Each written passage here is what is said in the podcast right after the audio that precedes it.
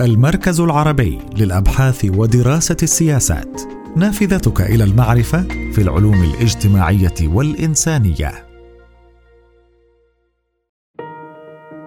الانتخابات النيابية اللبنانية 2022 قراءة في الخلفية والنتائج.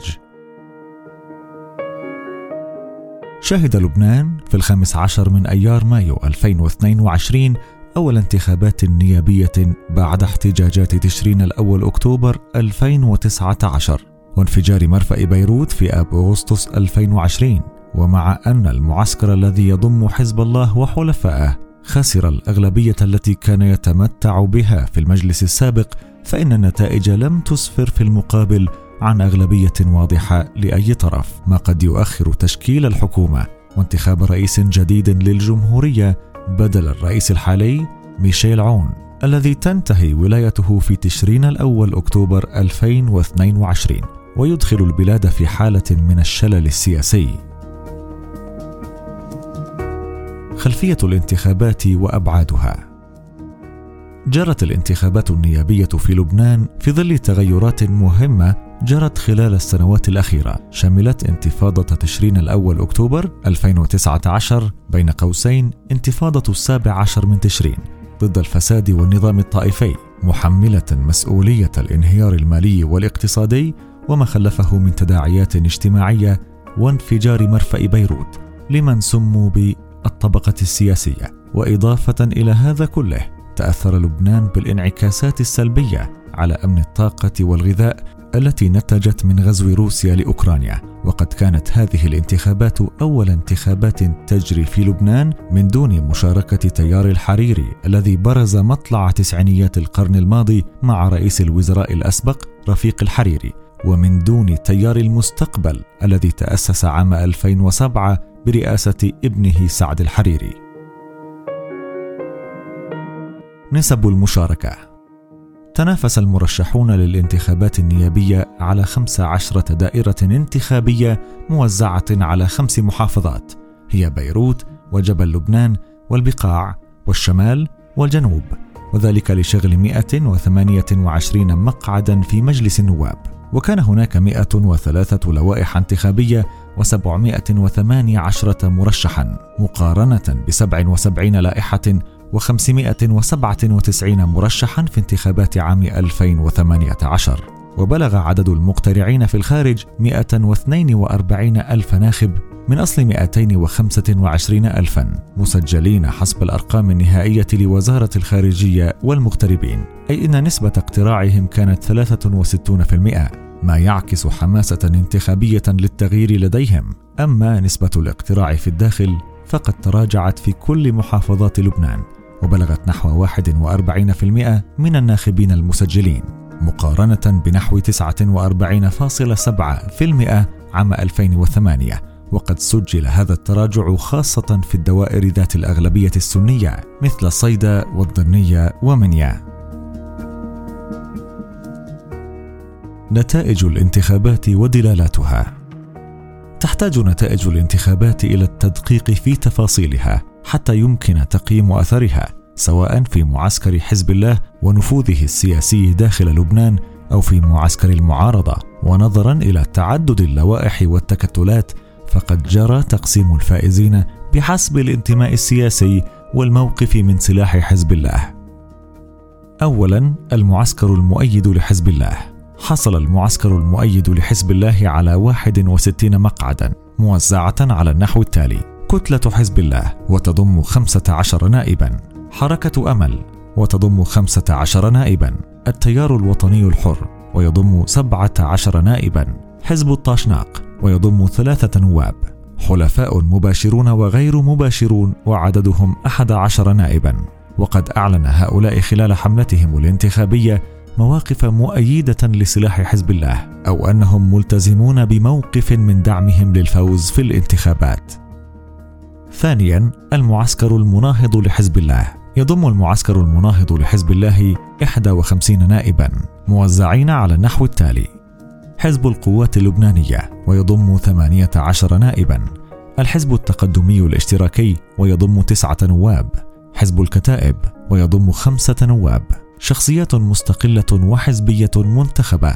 أعلنت مواقف ضد سلاح حزب الله وعددها 12 نائبا. الكتلة السنية نتيجة مقاطعة تيار المستقبل للانتخابات ظهرت كتلة سنية من سبعة نواب موزعين على النحو التالي. مناصرو تيار المستقبل خمسة نواب إضافة إلى نائبين عن الجماعة الإسلامية. ثالثا الانتفاضة وحلفاؤها. تضم كتلة الانتفاضة 16 نائبا موزعين على النحو التالي. نواب الانتفاضة وعددهم 13 نائبا. حلفاء محتملون للانتفاضة وعددهم ثلاثة نواب.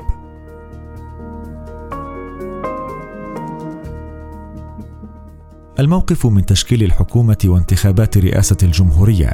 يشكل الموقف من حزب الله وسلاحه الاصطفافات المشار إليها سابقا إلا أن هذه الاصطفافات تتغير حيال قضايا خلافية أخرى مثل انتخاب رئيس الجمهورية أو تشكيل الحكومة. حيث ستكون حركة أمل على سبيل المثال أقرب إلى الحزب التقدمي الاشتراكي منها إلى التيار الوطني الحر. أما القوات اللبنانية فقد ألمحت إلى أنها لا ترغب في الانضمام إلى حكومة وحدة وطنية مع حزب الله. وكذلك يرى حزب الكتائب أن بقاءه خارج السلطة أفضل من دخولها في هذه المرحلة. كما لن يتحمل نواب الانتفاضة شعبيا تبعات انضمامهم إلى حكومة يقودها أحد أركان الطبقة السياسية. خلاصات واستنتاجات.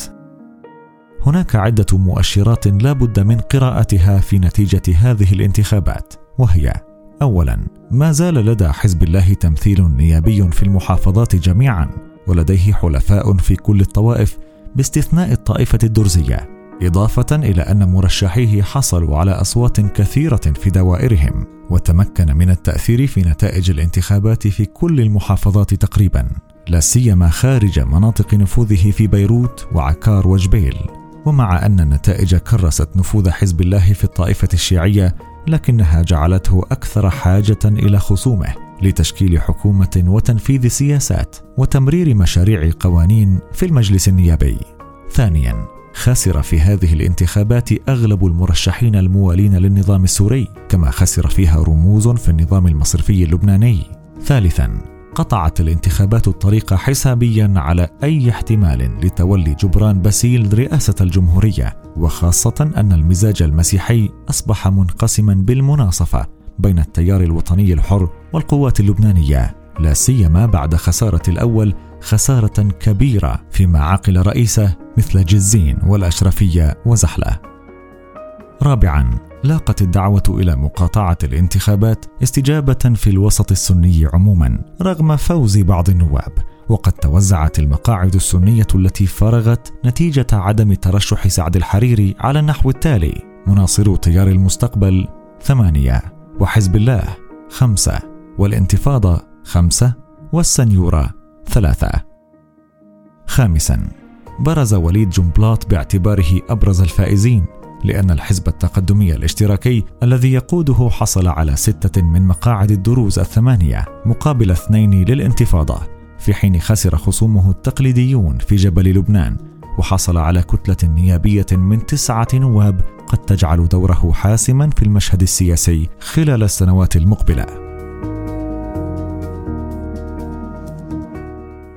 أخيرا ربح ممثلو الانتفاضة عددا من المقاعد تجاوز التوقعات المتشائمة ما يدل على أن طريق التغيير في لبنان غير مسدود ويمكن تخيل ما يمكن أن تكون عليه النتائج لو تغيرت طريقة الانتخابات. ويمثل هؤلاء النواب الجدد ثقافة سياسية مختلفة ومن المهم أن يحافظوا عليها والا ينزلقوا إلى نظام المحاصصة ولا تتوقع الناس خدمات من هؤلاء بل عليهم في المقابل أن يقدموا بديلا سياسيا واجتماعيا واداء برلمانيا مهنيا.